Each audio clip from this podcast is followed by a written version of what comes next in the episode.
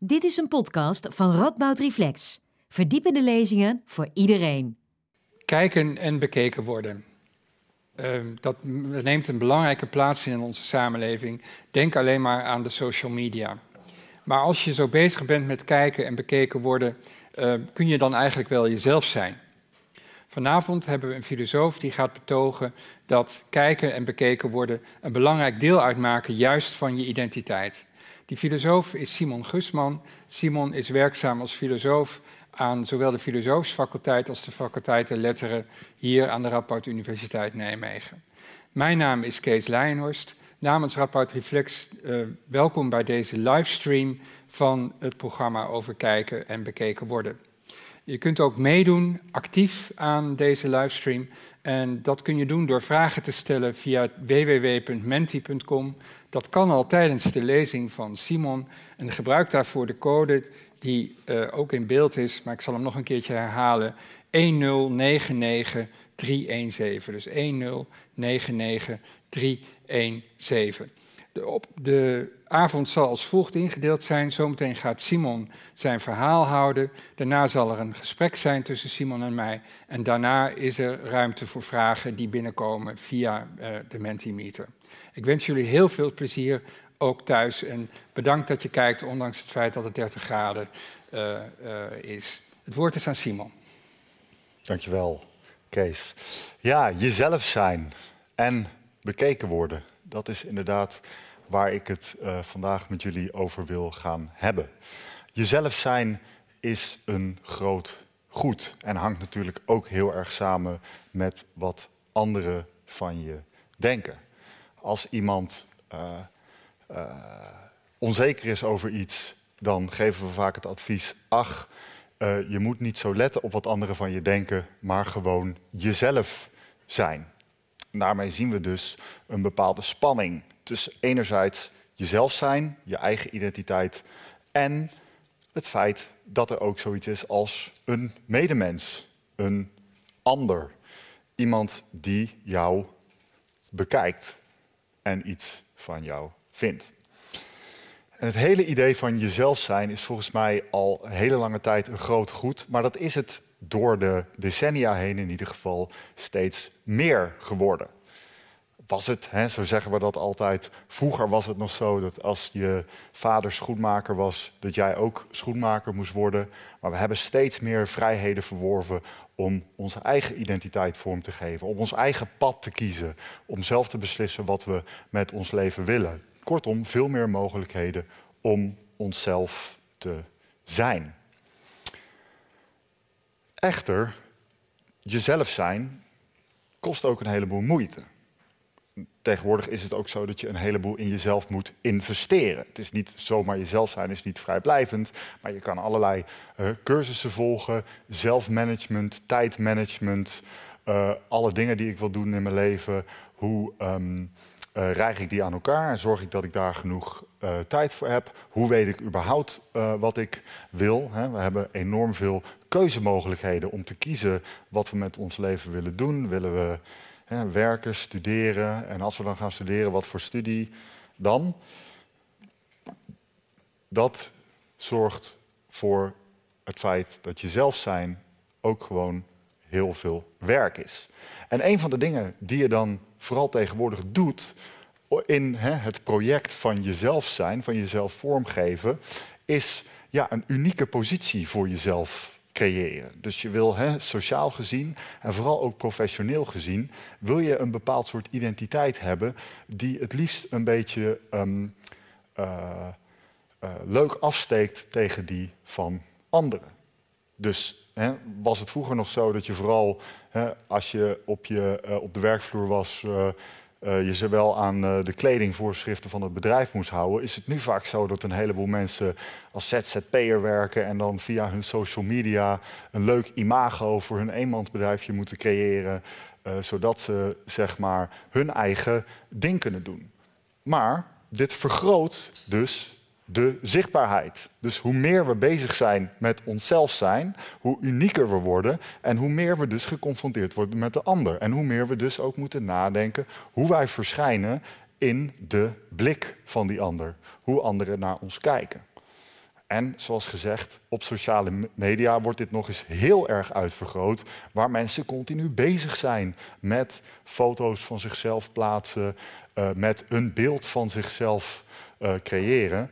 En dat wordt ook nog eens vaak uh, professioneel aangemoedigd, zeker ook met platforms als LinkedIn en dergelijke.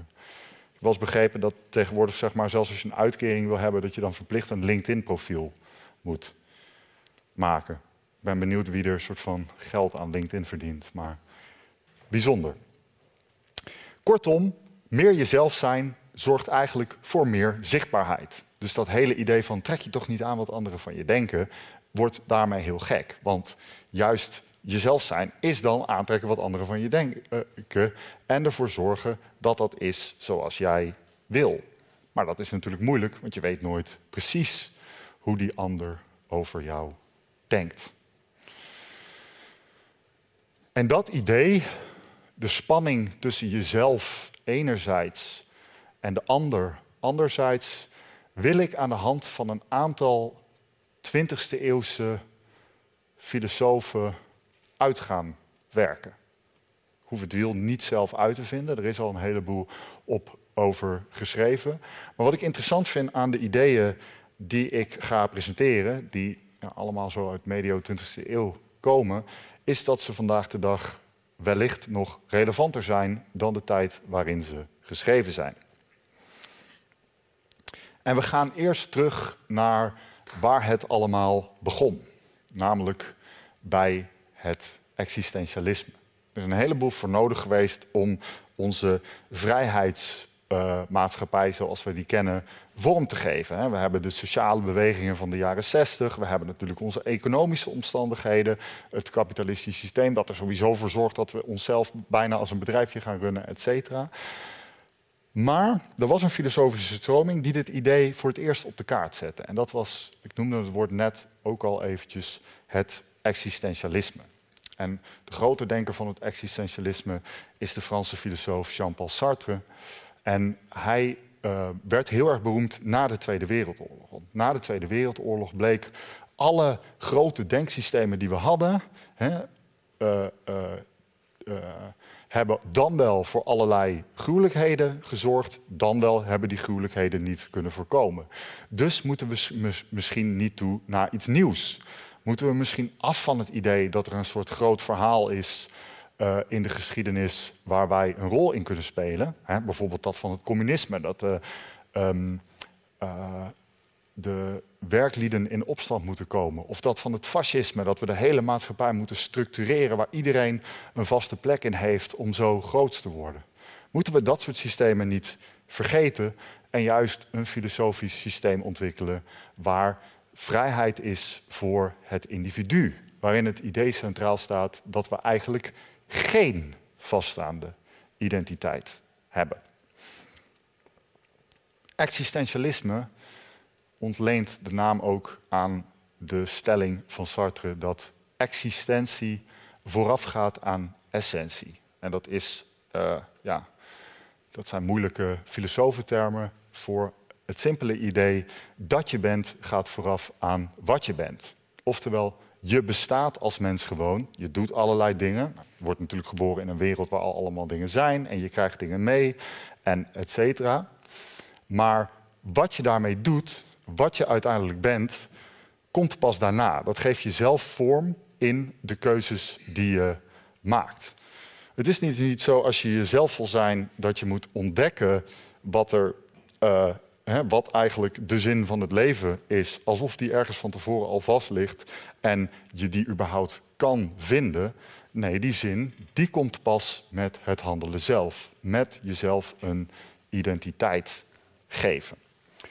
Dus zoals ik net al zei, die hele geschiedenis zoals we die kennen van jezelf zijn is heel erg belangrijk. Die heeft in, in ieder geval heel veel uh, uh, momentum gekregen doordat het door deze filosofen uh, en vooral door Sartre in de jaren 40, 50 zo op de kaart is gezet. Dus iedereen is vrij om de eigen identiteit vorm te geven.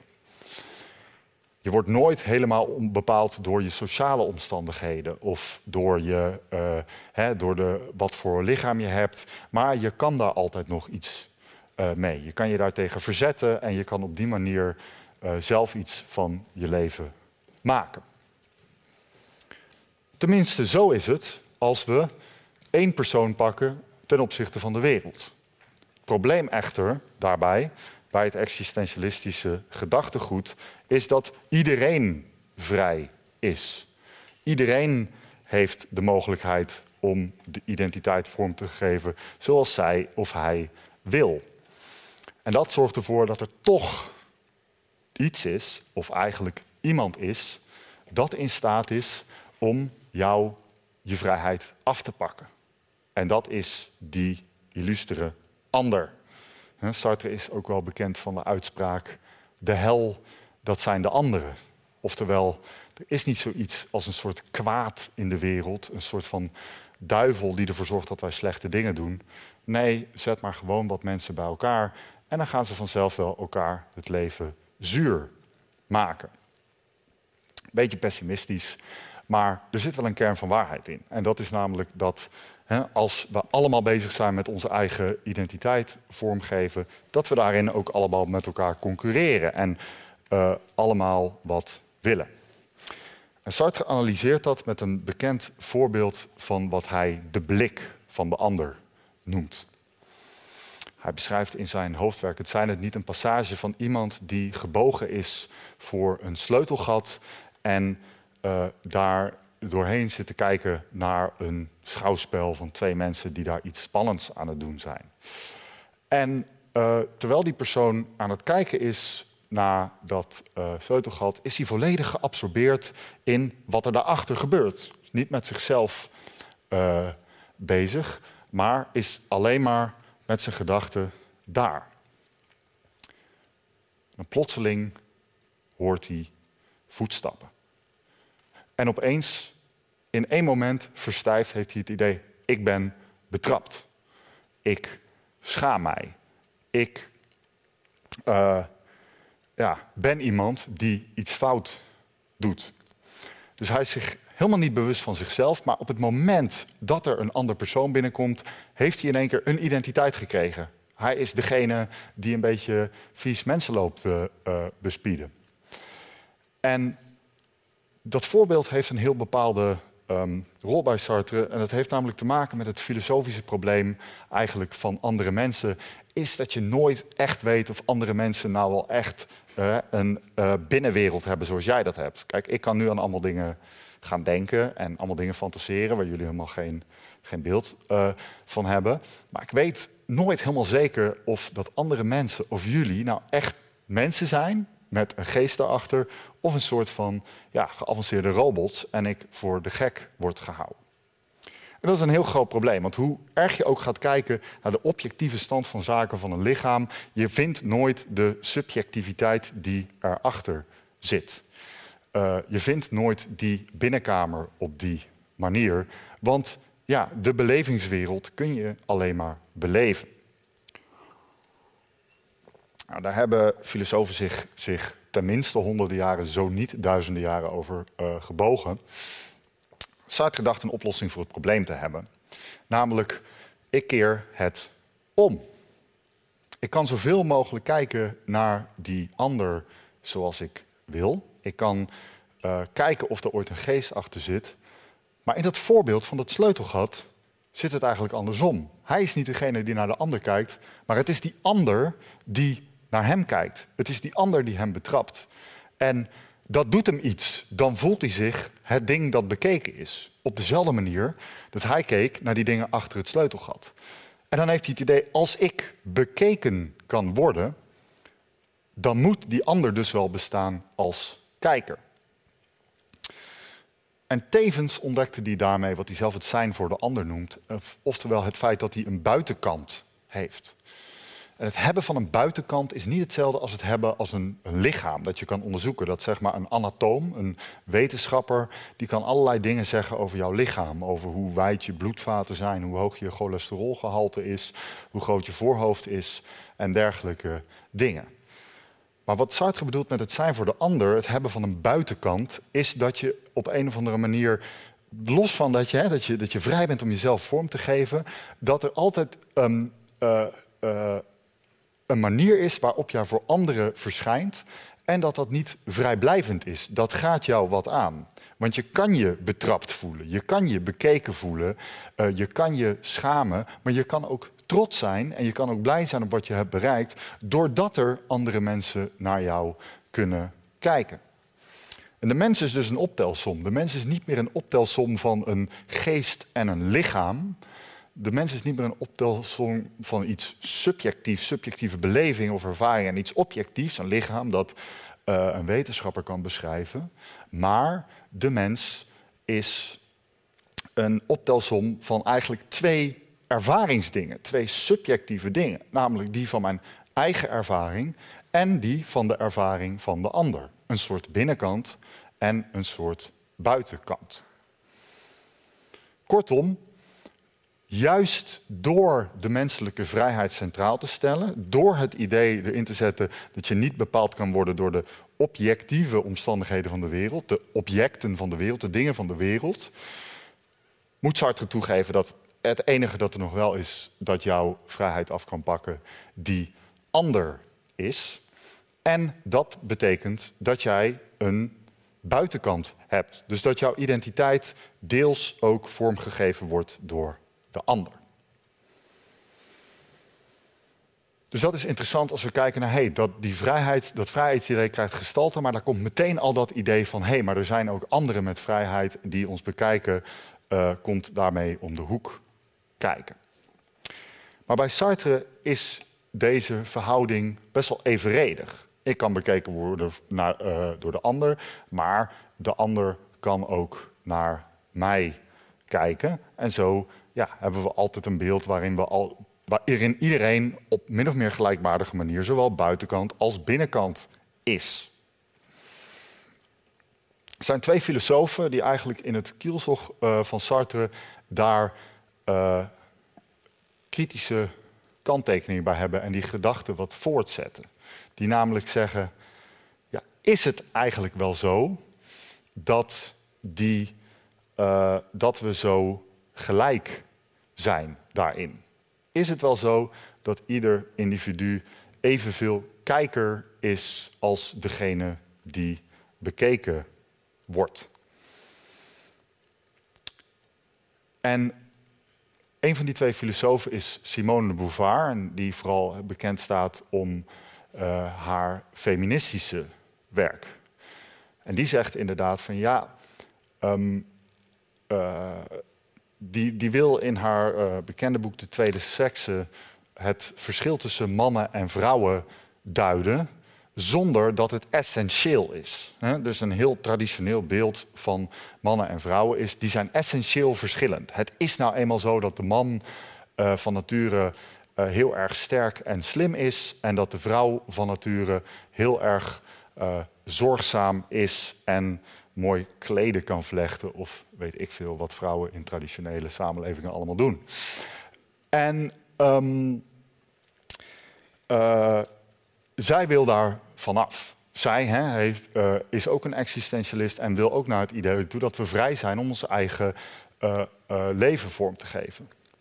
Maar het is wel heel makkelijk om dan te zeggen: Oh ja, trouwens, al die seks- en genderongelijkheid die we hadden, daar zijn we nu achter gekomen, dat bestaat helemaal niet. We zijn eigenlijk gewoon gelijk. Punt uit. Daarvan zegt ze: Ja, maar dat is ook niet zo. Het is nou eenmaal zo dat we in een wereld leven waarin die dingen wel soort van onze sociale wereld bepalen. En er wel bepaalde connotaties zijn bij die dingen. En dat komt volgens haar, en dat is ook waar de titel De Tweede Sekse vandaan komt, omdat de, het, uh, het verschil tussen man en vrouw niet per se in hun essenties hangt, maar in hun samenhang. Namelijk, de man wordt altijd gezien als de ene, de standaard, en de vrouw als de afwijking daarvan. Je ziet er bijvoorbeeld in heel veel, uh, dat voorbeeld uh, noemt ze zelf ook, in heel veel mythologische verhalen is de zon een man en de maan een uh, vrouw. En ja, de, de, de, maan krijgt het licht alleen maar van de zon, dus het is alleen maar de afspiegeling daarvan.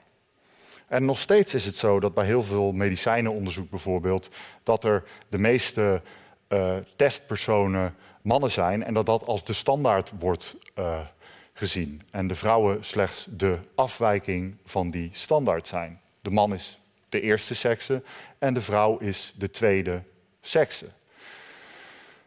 En dit wordt ook wel vaak, um, uh, dat idee van die blik gecombineerd met mannen en vrouwen, wordt dan ook wel eens de male gaze genoemd. Van we hebben een manier om de samenleving te bekijken, wat min of meer als de neutrale blik wordt gezien, is die van de uh, man. En het vrouwelijk perspectief is daarmee vreemd en anders. Dus door het op die manier vorm te geven, kan zij laten zien van inderdaad, in essentie is er geen verschil. Maar dat betekent niet van dat we dan kunnen zeggen, oh, daar zijn we nu achter gekomen, de hele, uh, dan kunnen we vanaf nu uh, hè, alle uh, problemen die daaromtrent bestaan in de wereld afdoen. Nee, er is een bepaalde structuur. En wat is die structuur? Het idee dat er zoiets is als de standaard, de ene, en anderzijds daartegenover de andere, hetgeen dat afwijkt van de standaard degene die kijkt, en in dit geval moeten we dat wat abstracter zien, de blik waardoorheen we de wereld zien als wat normaal is, en uh, hetgene wat anders is. Andere filosoof die deze thematiek aanvliegt is Frans Fanon. En hij heeft het over huidskleur. Dus hij uh, is zelf een zwarte man en uh, analyseert in zijn werk uh, hoe het is om uh, ja, bijvoorbeeld als enige zwarte persoon een uh, treincoupé binnen te lopen. En dat mensen dan opkijken. En hij ziet daarin ook hetzelfde principe. Hij zegt namelijk, ja eigenlijk gaat Sartre nog niet ver genoeg. Want Sartre die heeft die twee identiteiten. Jezelf, dat je voor jezelf bestaat en dat je voor de ander bestaat. Maar ik besta ook nog eens extra, namelijk als zwart persoon. En witte mensen hebben dat niet, want, hè, net zoals in de Bouvards voorbeeld, wordt dat als de standaard gezien.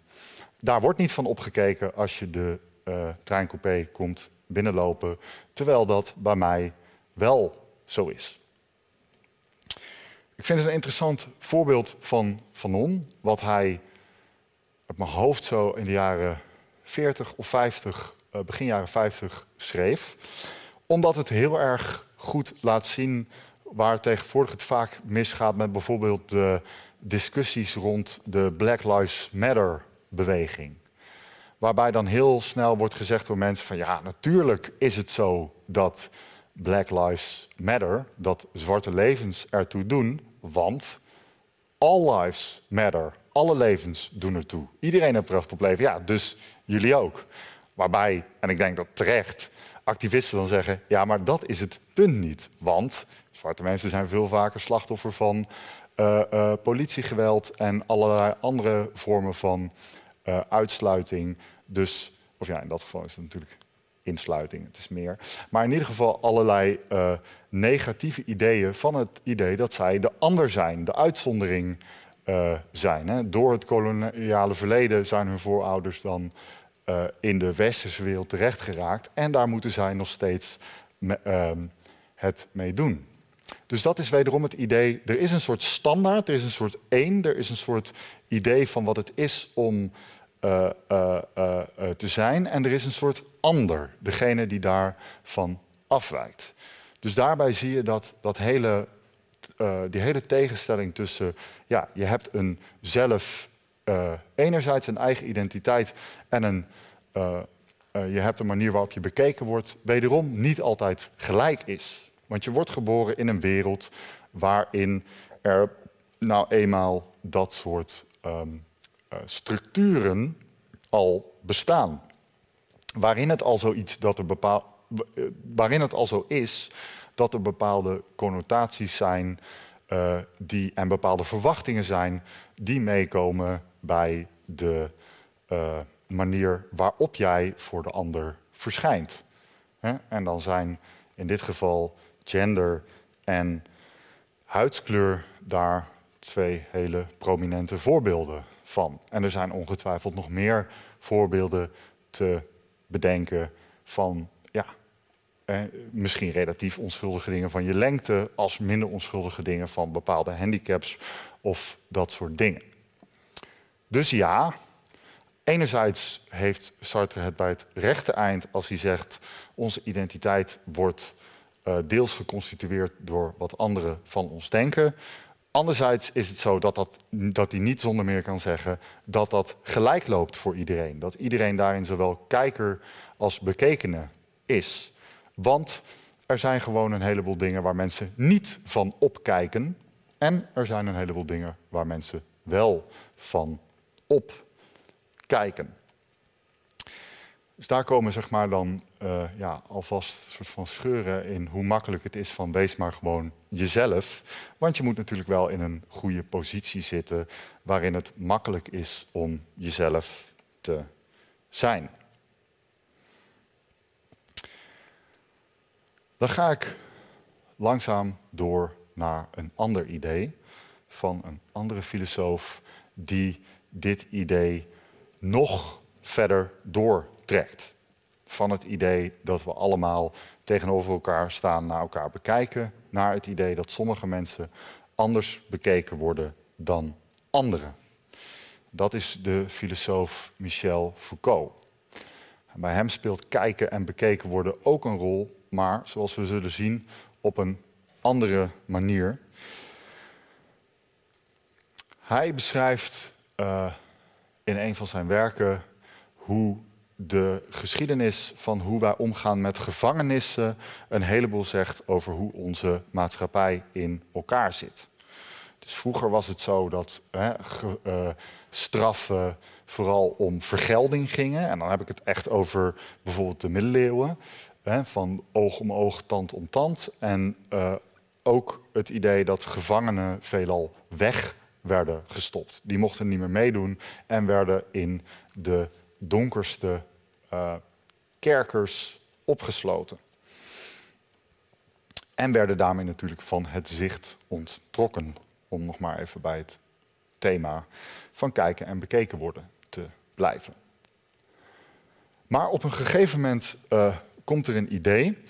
En uh, wat wel grappig is, beschrijft hij dat idee wordt uh, voor het eerst in werking gesteld na aanleiding van een pestepidemie. Waarbij op een gegeven moment uh, de mensen erachter komen: het is veel makkelijker om te controleren wie er ziek is en uh, wie er niet ziek is, als we iedereen zoveel mogelijk gescheiden van elkaar laten leven. Dus als iedereen gewoon thuis blijft en er wordt iemand ziek, dan kunnen we die vervolgens daar gewoon laten zitten. En dan uh, hebben we dus veel meer controle over wat we doen. Dus het idee is mensen isoleren maakt ze controleer, beter te controleren, beter te observeren.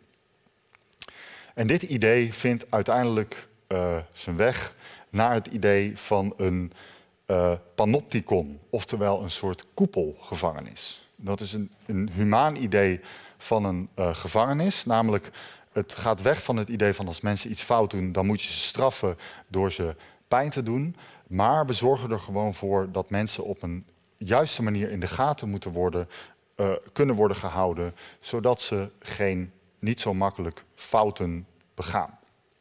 En het idee is als volgt. We maken een uh, grote cirkel van cellen. Kunnen opgestapeld worden. En middenin zetten we een wachttoren. En die wachttoren die maken we, hè, die staat in het midden en die kan bij iedere cel naar binnen kijken.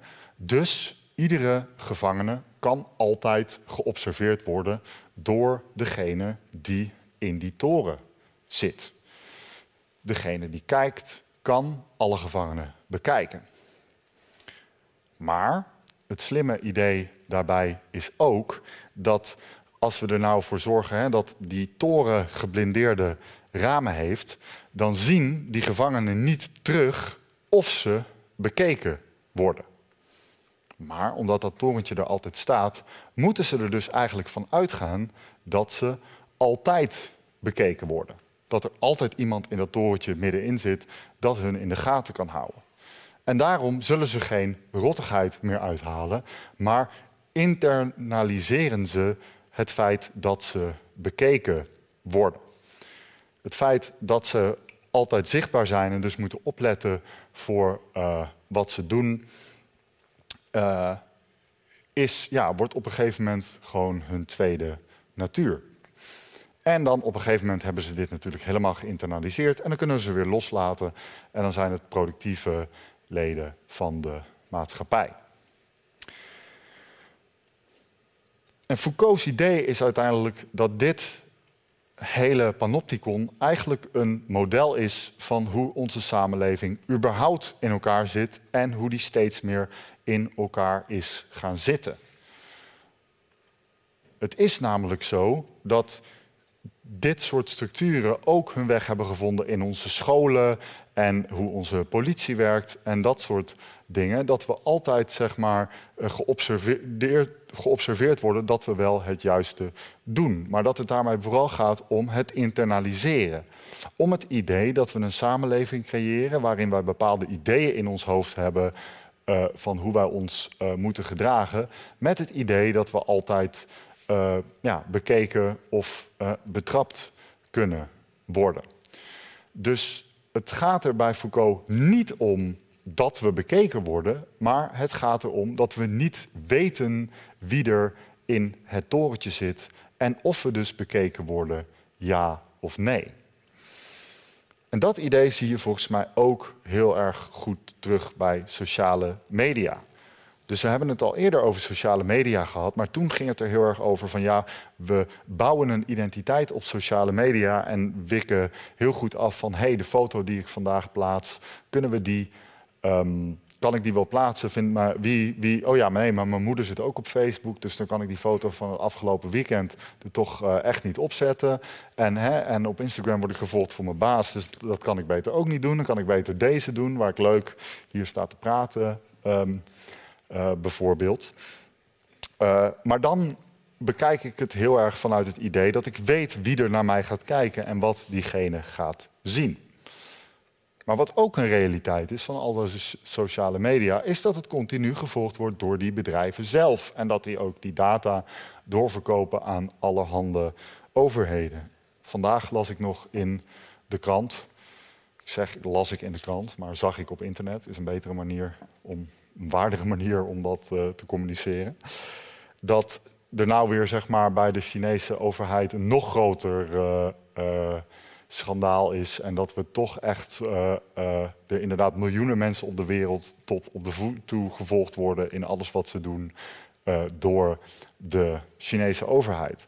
Maar het punt is natuurlijk, we weten niet precies wie er door hun gevolgd worden.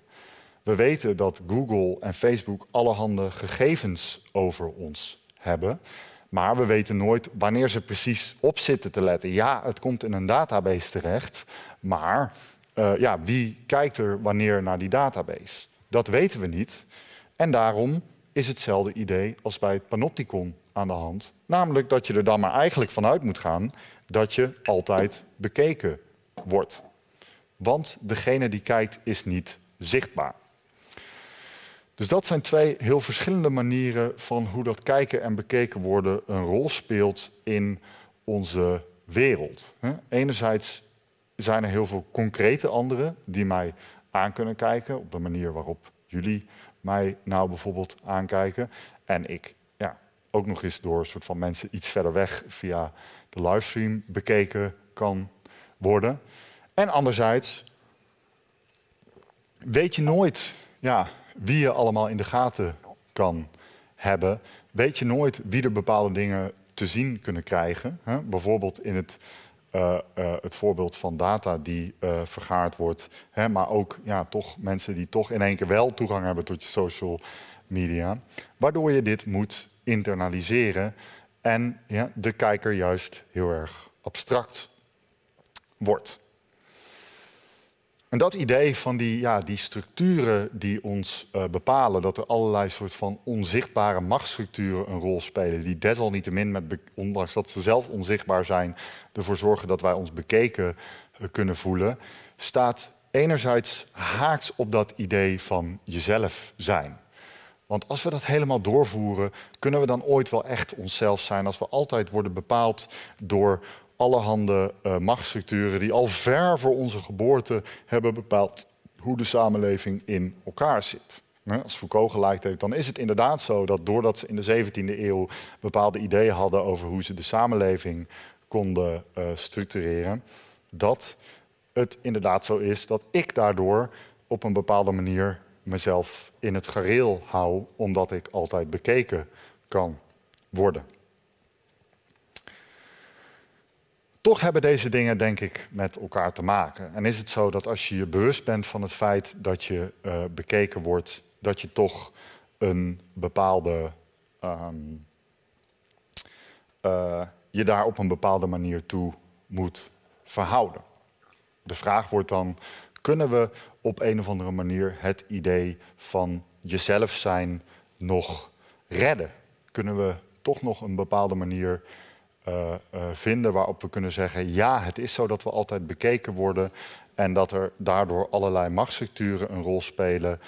Uh, maar daarbinnen is nog ruimte voor toch dat kleine beetje vrijheid dat je dan nog hebt om je eigen identiteit vorm te geven. Ik denk het wel. En ik denk ook dat de eerste filosoof die wij noemden, die juist die vrijheid zo hoog in het vaandel had staan, Sartre, daar een oplossing voor heeft. Uh, en dat heeft, uh, ja, het is eigenlijk zo dat uh, toen zijn hoofdwerk uitkwam, begin jaren 40, dat een heleboel mensen inderdaad vielen over zijn vrijheidsbegrip. Van ja, hoe kun je nou zeggen dat mensen altijd vrij zijn hè, als er een heleboel mensen onderdrukt worden en een heleboel mensen vastgeketend zitten en in heropvoedingskampen zitten, noem maar op. En Sartre zegt van ja, maar dat is niet precies wat ik bedoel. Het gaat mij meer om het principe dat erachter zit. Hm. Een aantal jaar later schreef hij een boekje over antisemitisme. En dat gaat precies over uh, uh, het probleem van hoe kun je je eigen identiteit vormgeven als je in een samenleving leeft waarin er je simpelweg heel erg gediscrimineerd wordt. En daar voert hij zelf een um, idee op van wat hij zelf de democraat noemt. En de democraat ja, dat is gewoon heel simpel iemand die zou zeggen: All lives matter. Die zegt: alle mensen zijn nou eenmaal gelijk. En ja, antisemitisme, dat, ja, dat verbieden we gewoon. En dan is het gewoon weg. Ik heb letterlijk, volgens mij, ik weet niet of het de laatste Tweede Kamerverkiezingen waren, maar toen was er zo'n soort van klein nieuw rechtspartijtje, een soort PVV-spin-off of zo, die letterlijk in een debat met Sylvana Simons zei van ja, er is geen discriminatie in Nederland, want het is verboden.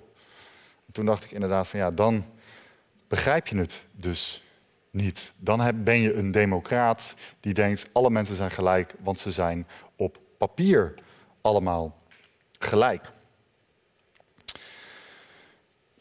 Hij stelt er tegenover het idee, en dat gaat in zijn geval dus in dit geval over antisemitisme, over hè, uh, Joodse identiteit, um, van nee, jezelf zijn is juist accepteren dat je door de ander een identiteit wordt opgelegd.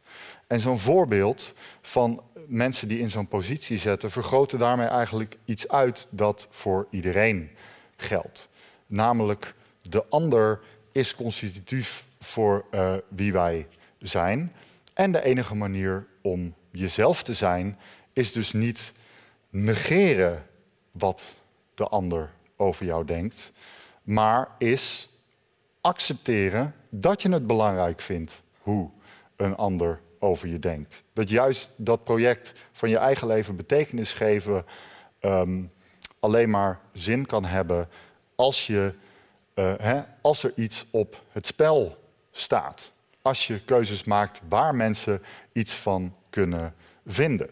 Dus hij heeft dan ook veel lof uh, voor mensen die in het gezicht van antisemitisme bijvoorbeeld juist uh, voor hun Joodse identiteit uitkomen. Dat vindt hij helemaal niet een kwestie van, ja, je, bent je, zeg, hè, je, je, je reduceert jezelf tot toevallig jouw uh, culturele achtergrond. Nee, in die zin juicht hij dat juist toe. Omdat het helemaal niet de weg van de minste weerstand is.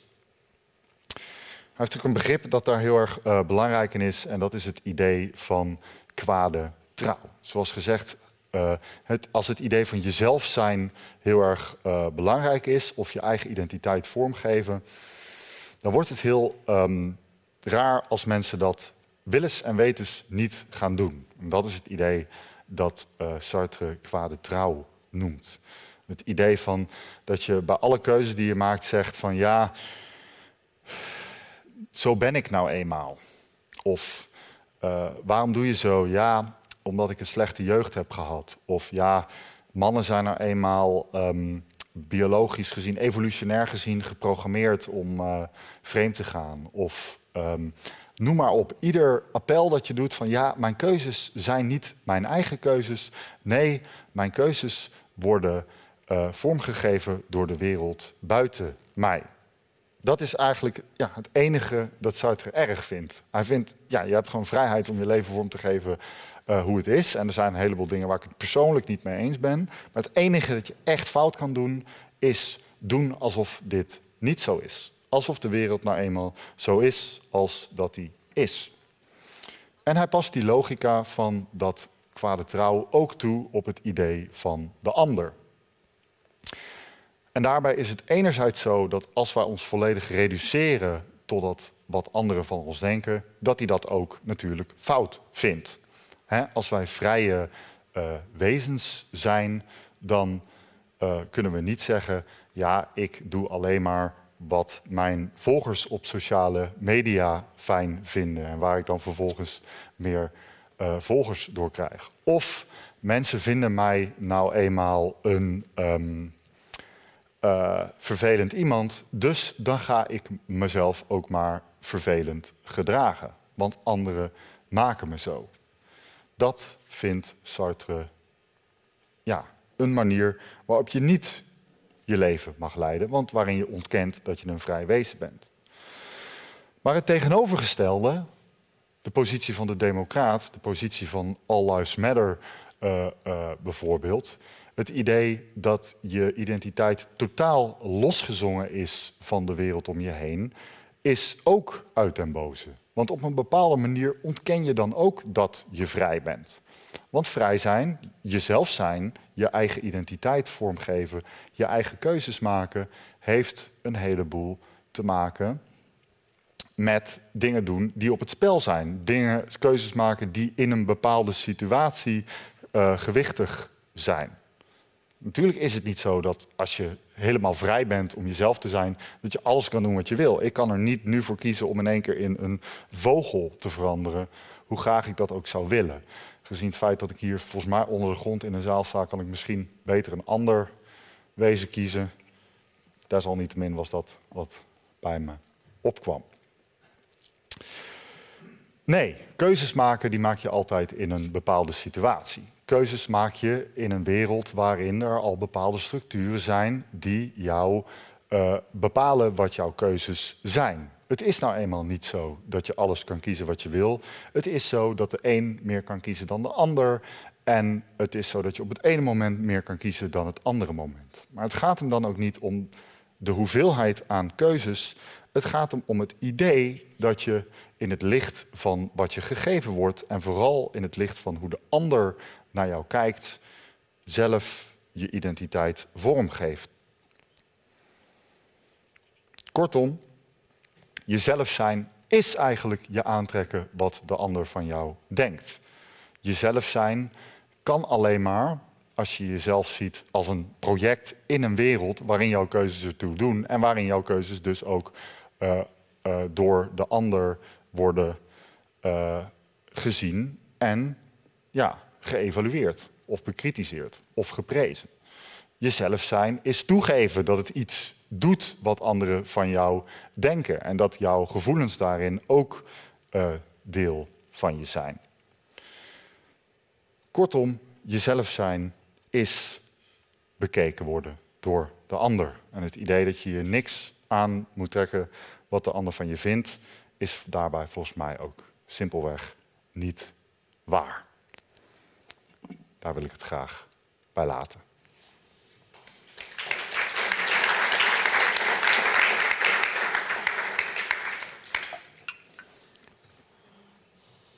Simon? Ja.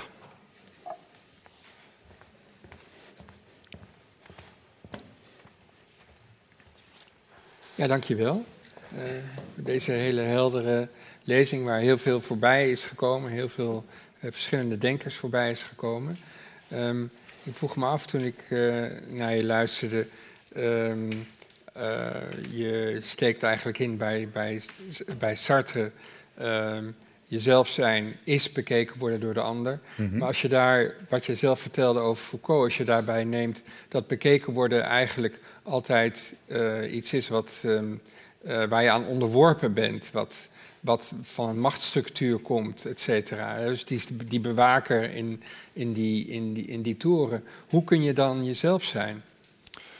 Nou, dat. Um, ik denk dat het elkaar alleen maar versterkt. Dus het idee van uh, dat als jij uh, inderdaad um, jouw vrijheid dus gesitueerd is, dus dat de keuzes die je maakt alleen maar gewicht hebben, omdat ze uh, door de plek in de wereld waar je je bevindt, de positie waar je in je bevindt, een rol hebben. Dat als we er dan achter komen dat er allerlei machtsstructuren een rol spelen, dat we ons daar dus bewuster van worden.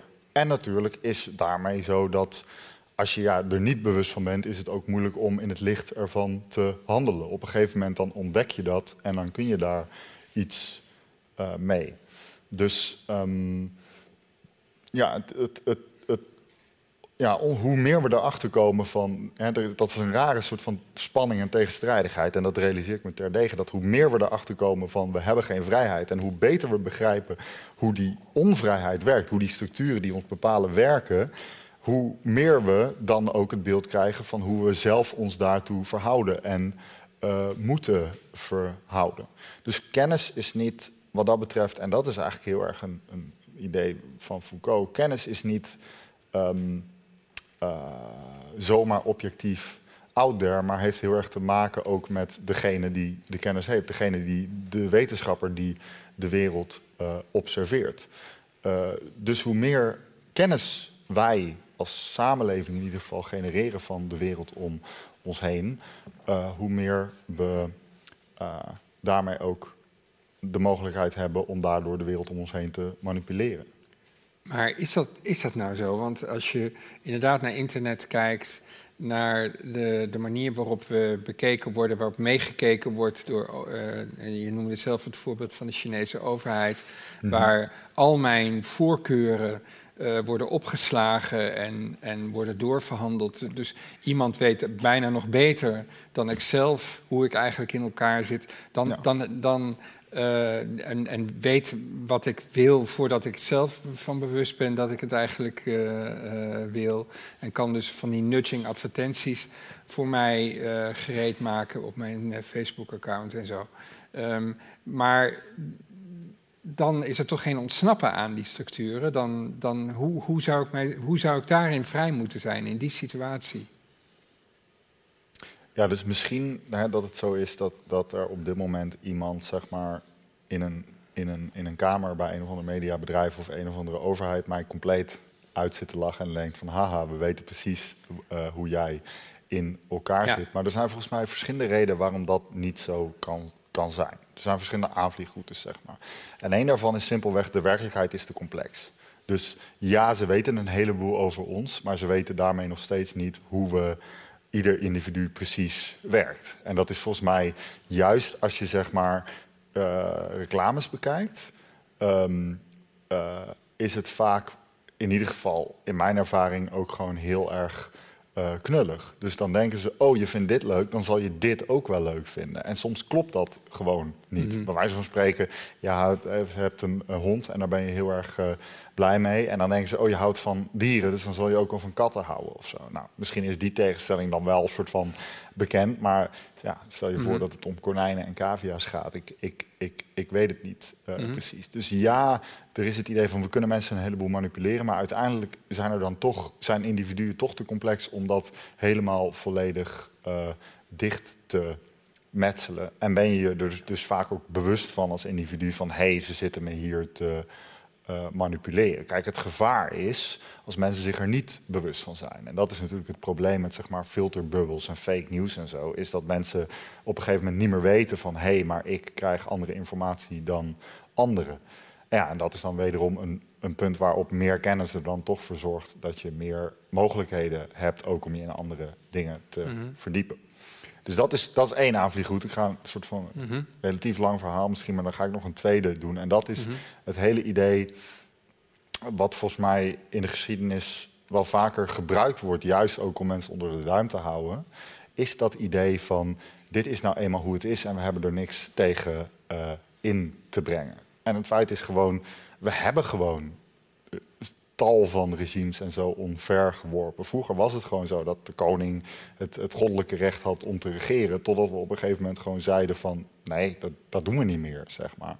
En uh, dat hele idee van ja, ze hebben ons allemaal in de tang, ze weten allemaal precies uh, hoe ze ons moeten manipuleren, dat blijkt dan keer op keer um, uh, toch omvergeworpen te worden. En ook zeg maar het kapitalistisch systeem daarvan weten we ook gewoon dat het economisch denken en zo, dat het allemaal niet te voorspellen is. Dat er toch te veel chaos zich in bevindt om een echt absoluut systeem te worden. Dus ik denk dat dat ook met dat kijken en uh, bekeken worden uiteindelijk uh, um, uh, niet zo is.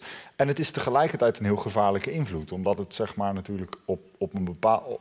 Ze hoeven namelijk niet alle individuen te manipuleren, zeg maar. Mm -hmm. Als ze zeg maar als je een verkiezing wil manipuleren, dan hoef je niet 100% van de individuen op één persoon te laten stemmen. Maar ja, een, uh, naarmate het systeem er gewoon ervoor te zorgen dat één iemand de meerderheid uh, heeft. Dus mhm. wat dat betreft is natuurlijk bewustwording daarvan wel heel erg belangrijk. En je noemde zelf net het kapitalistische systeem. Hmm. Um, is dat niet ook iets wat je in kunt brengen tegen het hele perspectief van uh, Sartre? Dat hij legt sterk de nadruk op het individu. Ja. Um, maar we zitten met z'n allen inderdaad in een systeem. Een systeem dat ons sterk het gevoel wil laten geven dat we vrij zijn. Hè. Dat, helpt, dat helpt om uh, spullen te verkopen, om uh, het idee te hebben dat, dat je inderdaad uit vrijheid allerlei spullen kiest. Tegelijkertijd ben je daar heel erg onderworpen aan een regime. We zitten met z'n allen in dat regime van dat kapitalisme. Um, heeft Sartre dat eigenlijk niet over het hoofd gezien?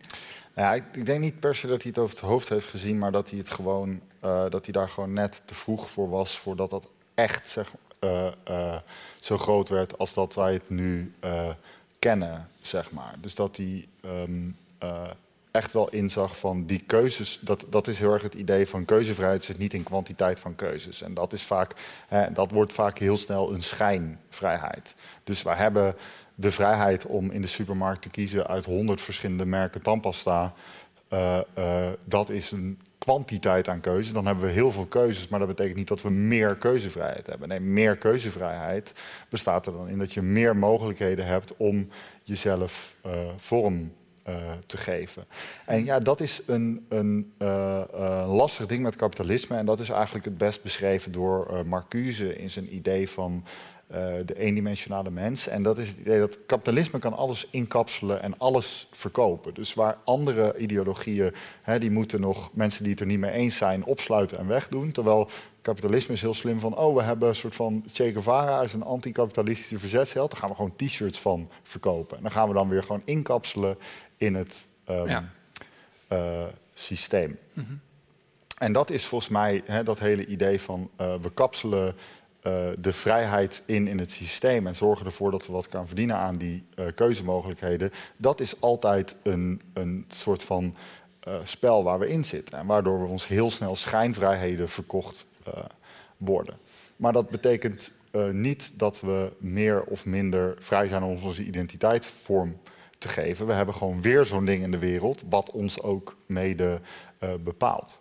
Ik vind dat, zeg maar, zeker als we het hebben over uh, nou ja, bijvoorbeeld uh, uh, emancipatie um, van homo's, dat, um, dat is natuurlijk, zeg maar, dan, dan krijg je in de jaren 60 en zo krijg je zeg maar, sociale bewegingen die er volgens mij in eerste instantie voor zorgen dat we meer vrijheid hebben.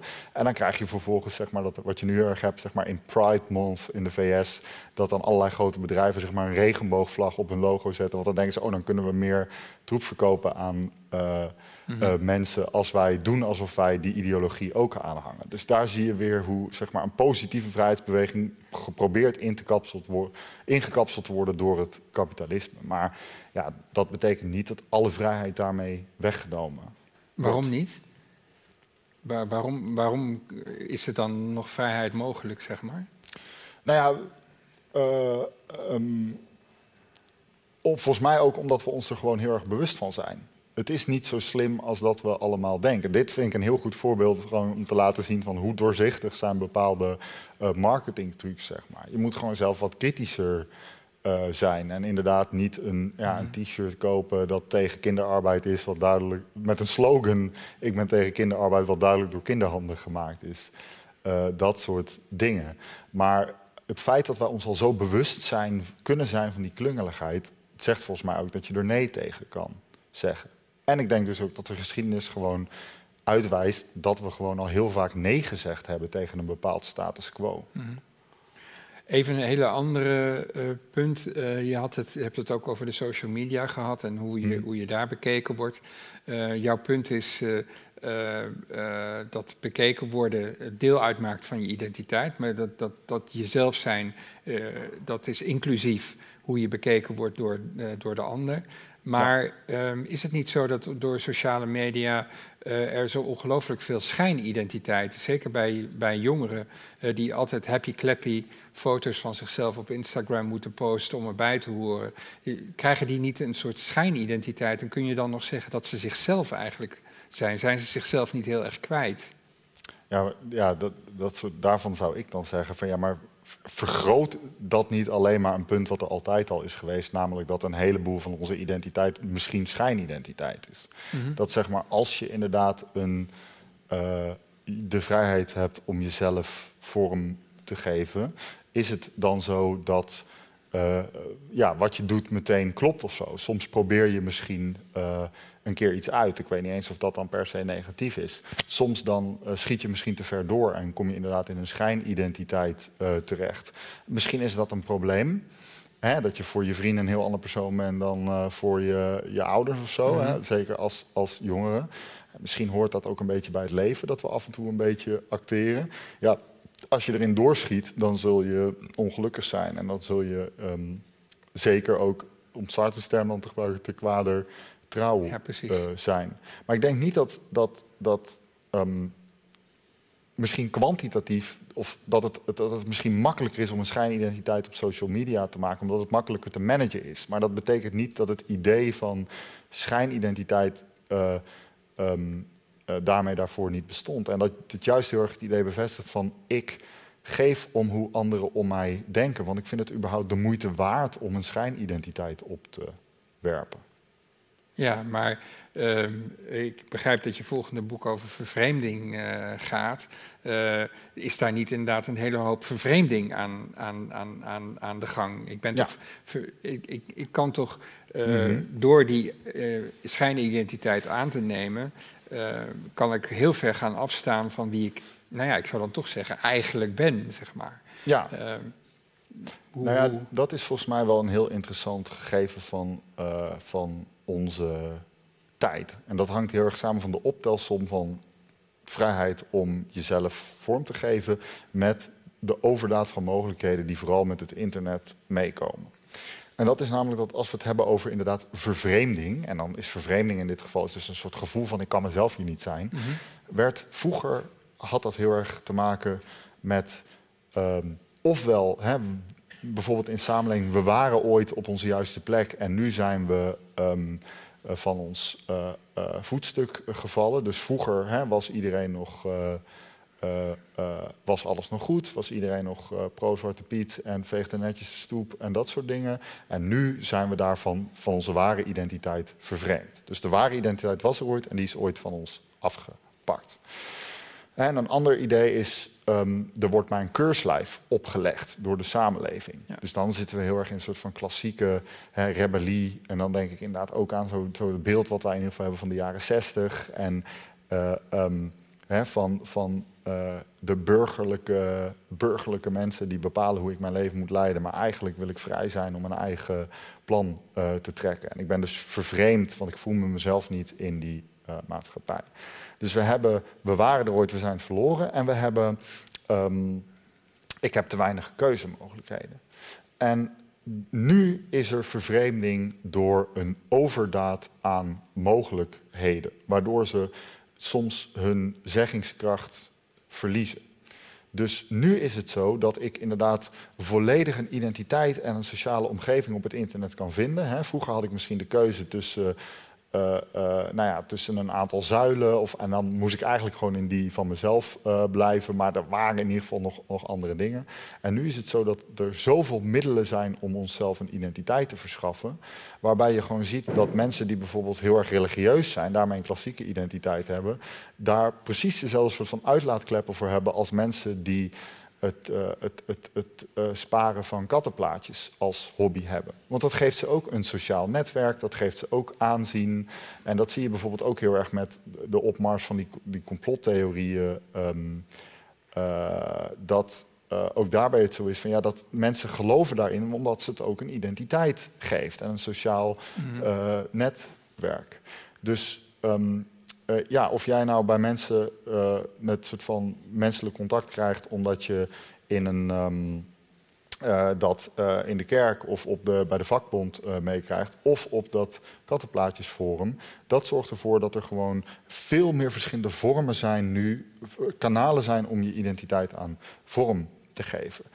Maar daarmee wordt het ook heel erg makkelijk om te wisselen. En wordt het heel erg moeilijk om te kiezen tussen wat je nou eigenlijk wil, wie je nou eigenlijk wil zijn, waar je nou je, je ei uit wil halen, wat je nou um, uh, belangrijk vindt. Mm -hmm. Want als het zo is dat iedere ja, lullige hobby of interesse in één keer een hele manier wordt om je identiteit aan op te hangen, dan heb je er, ja, dan, dan heb je er gewoon te veel. Mm -hmm. Maar dan is ja, wederom het idee van, van, van vervreemding is daarmee anders. Het is niet meer vervreemding door een gebrek, dus een, staat die er niet meer is, of niet genoeg keuzemogelijkheden. Er is het is een ander soort vervreemding, vervreemding aan, uh, uh, door overdaad. Maar dat haalt het hele idee van, ja, maar uh, je moet toch op een of andere manier een keuze maken. Je kan niet niks doen. Je moet op een of andere manier um, uh, jezelf vormgeven, wordt hetzelfde. En ik denk dat juist het existentialistische gedachtegoed, dus waar de, op Foucault de auteurs die ik genoemd heb zich mee bezighouden, die dus heel erg bezig zijn met, met enerzijds vrijheid en anderzijds de, hè, de rol van de ander daarin, juist heel erg gaat over, ja maar hoe maak ik niet, hoe maak ik zoveel mogelijk keuzes of wat moet ik dan kiezen, maar wat betekent het überhaupt om te kiezen? Wat voor soort van keuzes zijn van invloed op mijn identiteit. En dan kun je dus gaan nadenken over, ja, wil ik mijn identiteit überhaupt wel halen van ja, rare fora op internet of dat soort mm -hmm. uh, dingen. Wat voor soort keuzes moet ik maken? Niet mm -hmm. welke keuzes moet ik maken, niet wat ik moet kiezen. Je kan niet zeg maar van bij nu een filosoof van, van, van, van, van 60, 70 jaar geleden gaan lezen en daar een antwoord vinden bij een soort van wat voor uh, subreddit, bij wijze van spreken, je nou moet gaan zitten. Maar het idee van wat voor soort keuzes moet ik maken om een identiteit vorm te geven, moet ik dat uh, uh, vinden bij dit soort kanalen waar, soort, waar ik sociaal contact kan vinden, of moet ik juist misschien wat minder op sociale media gaan zitten? Dat ja, dan gaat het veel meer over wat betekent het om te kiezen. En ik denk dat dat alleen maar een belangrijker vraagstuk wordt in die overdaad van keuzemogelijkheden. Mm -hmm. En dus die nieuwe vervreemding. Mm -hmm. uh, het is tijd om uh, naar het publiek te gaan. Dat publiek heb ik hier in mijn handen. Uh, dat is namelijk de Mentimeter. je, kunt, je kunt je vragen nog via Mentimeter aan ons laten weten. Ehm, ehm, een vraag. Je lezing ging veel over wat het met je identiteit doet om bekeken te worden, maar wat doet kijken met vrij zijn en jezelf zijn. Dus de activiteit van het kijken zelf, niet bekeken worden. Ja, ik ben aan het nadenken, vandaar dat ik eh, even in het luchtleden gekeken. Um, ja, wat doet kijken? Ja, kijk, het idee is denk ik dat zeg maar dat, je, uh, dat het een raar idee is om te denken dat je altijd maar de ruimte hebt om heel erg na te denken over je identiteit. Dat is natuurlijk gewoon ook niet de realiteit. Je moet gewoon dingen doen. Je moet gewoon naar je werk, je moet gewoon eten, je moet gewoon uh, slapen. Dus je bent continu eigenlijk zeg maar geabsorbeerd in de wereld om je heen. Je moet bij wijze van spreken tijd vrijmaken om te reflecteren of uh, iets um, dergelijks. Dus, dus het, het kijken, als je dat opvat van... Um, uh, ja, je bent, je bent gewoon met de dingen om je heen bezig... is volgens mij in die zin heel fundamenteel. Dus je bent eigenlijk ook meer bezig met andere mensen in die uh, zin. Want daar, daar moet je wat mee. Bij wijze van spreken, als je iemand anders tegenkomt op straat... dan moet je nadenken, dan moet je anderhalve meter afstand houden... en dat soort dingen. Dus dat in die zin speelt kijken continu een uh, rol ik denk echter, als het gaat om je, je eigen identiteit, ja, dan kun je natuurlijk je blik inwaarts keren, maar dat is natuurlijk een metafoor. Je kan letterlijk jezelf niet zien. Ja, je kan in een spiegel kijken, maar dan zie je je spiegelbeeld. Terwijl je wel altijd door een ander bekeken wordt. Dus in die zin zou ik wel zeggen dat bekeken worden fundamenteler is dan kijken, kijken. als het gaat om identiteit. Oké. Okay. Uh, eh, volgende vraag. Uh, de hel, dat, is dat zijn de anderen van Sartre. Lijkt niet echt te rijmen met jouw slotbeschouwing over diezelfde Sartre. Jezelf aantrekken wat de ander van je vindt.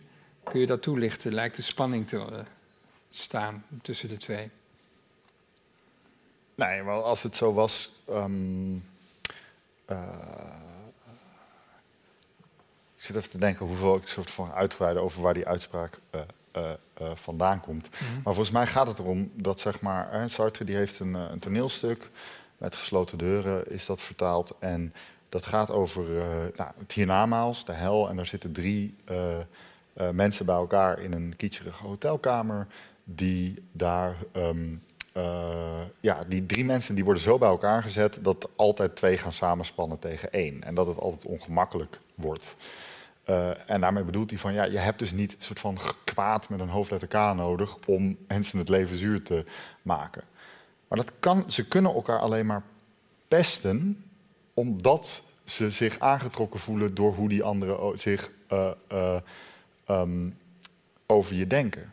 Dus dat hele idee van kwelling, als het ware, zit in het feit dat, dat het mensen op een bepaalde manier over je denken en dat dat vervelend voor je is. Want als ze elkaar niks van elkaar aantrokken, dan konden ze gewoon zeggen van, oh jij vindt dit en dit van mij, ja, dat, mhm. dat boeit mij niet. En dan, ja, dan is het oké, nou, dan houden we erover op en dan mhm. is het klaar. Het gaat er juist om dat het, hè, het is dat die hele situatie waarin je net denkt iemand, dat je iets uitgepraat hebt met iemand en dan zit iemand daarna toch nog even boos naar je te kijken of vervelend naar je te zuchten of zo. En dan denk je daar meteen weer wat van. Dan voel je jezelf weer aangesproken. Ik denk dat het daar heel erg in zit. Dus dat wederom dat hele idee van je voelt je nou eenmaal aangesproken door wat anderen van je denken. Dat zoveel gevoelens die zo belangrijk zijn, zoals uh, schaamte en trots, kunnen alleen maar bestaan daardoor. Mm -hmm. um, ja, zorgt er dus voor dat, ja, vooral in dat negatieve aspect, dat juist voor die situatie, dat anderen ook vooral uh, voor de negatieve aspecten van jouw leven kunnen zorgen. Mm -hmm. Vandaar de held, het zijn de anderen.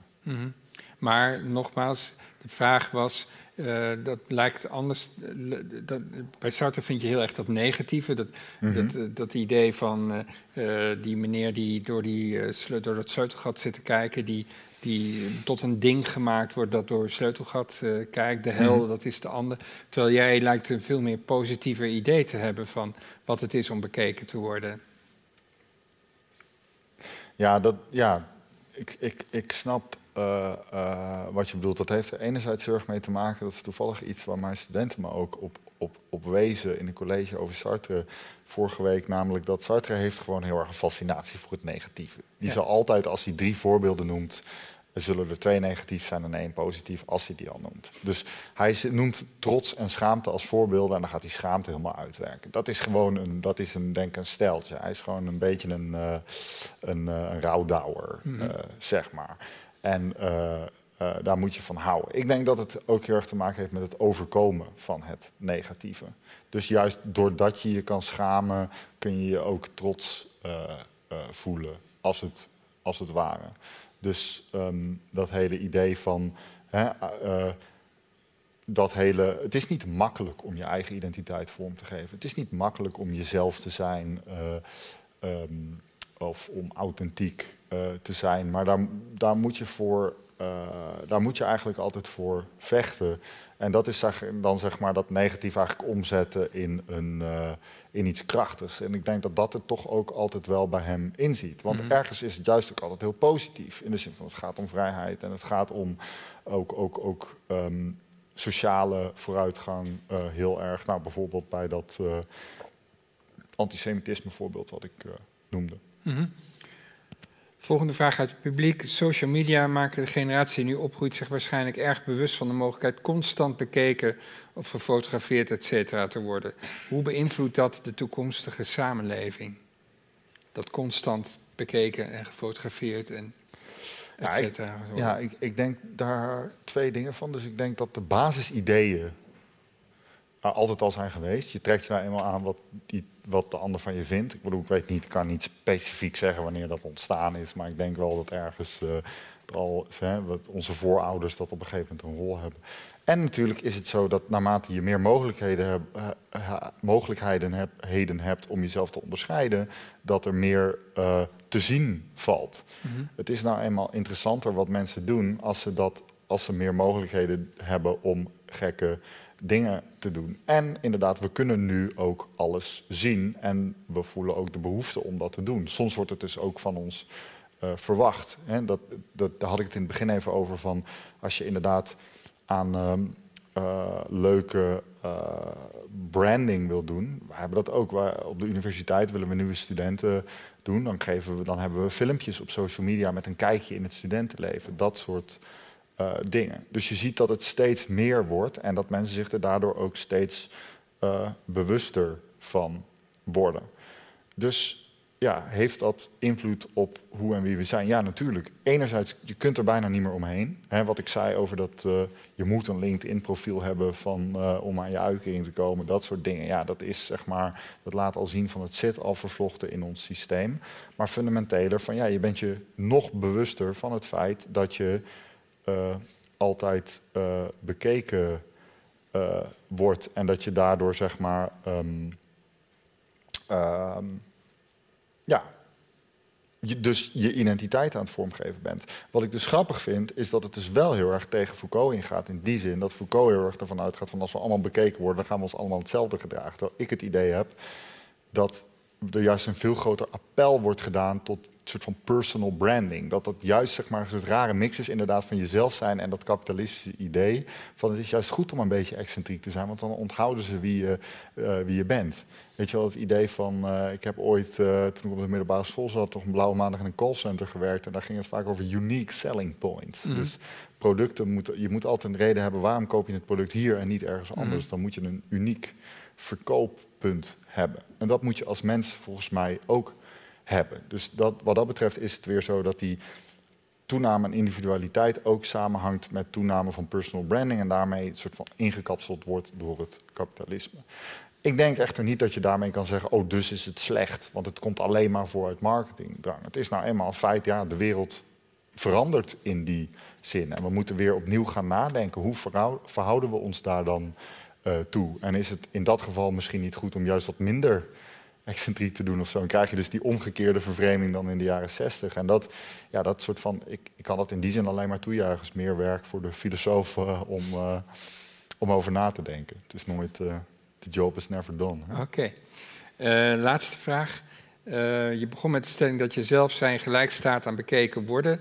Vervolgens gaat het over schijnidentiteit die ook ontstaat door het bekeken worden door anderen. Hoe kan dat samengaan? ja, is toch een soort van een beetje, beetje uh, net als die eerste vraag. Ik denk dat er geen hard onderscheid is tussen een echte identiteit en een schijnidentiteit. Daar komt het eigenlijk op neer. Dat je niet kan zeggen van, oh, nu ben ik 100% echt mezelf. Uh, ja, je kan misschien wel dat gevoel hebben bij een bepaalde activiteit en zo, maar dan moet je nog gaan nadenken van, van oh, wat voor rol heeft het in mijn leven, uh, et cetera.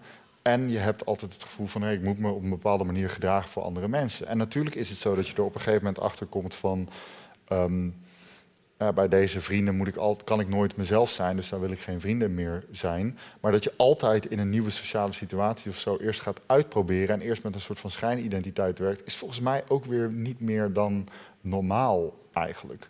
Dus volgens mij moeten we wel een soort van een genuance, juist om echt jezelf zijn te denken, moet je van een minder hard onderscheid tussen dit ben ik echt heel hard omlijnd en um, dit ben ik niet uh, dit, dit is een schijnidentiteit af.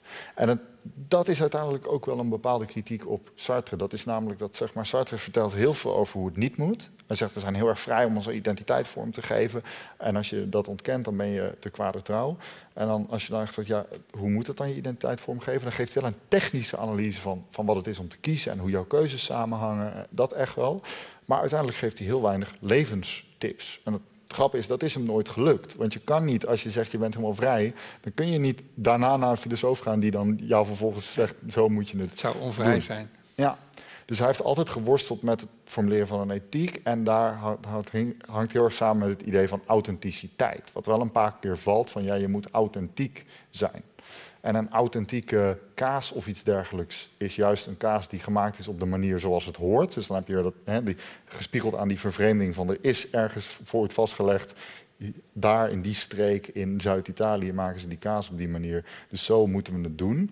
En hij keert dat als het ware om. Nee, identiteit is juist, of authenticiteit is je juist niet aan vaste structuren houden, maar je eigen plan trekken.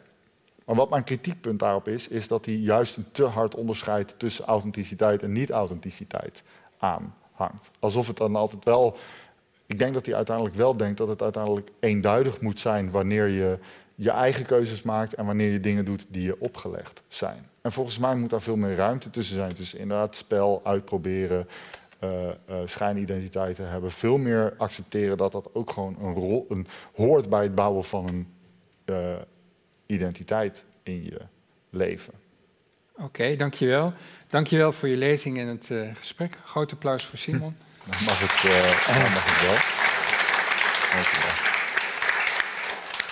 Uh, mensen thuis, bedankt dat jullie gekeken hebben en je vragen hebt ingestuurd via Mentimeter. Jullie hier in de zaal, heel erg bedankt dat jullie hier fysiek zijn gekomen, uh, ondanks het mooie weer. En ook je vragen hebt uh, gesteld en aandachtig zijn geweest. wel thuis en tot ziens bij een volgende keer van Radboud Reflex. Dank jullie wel.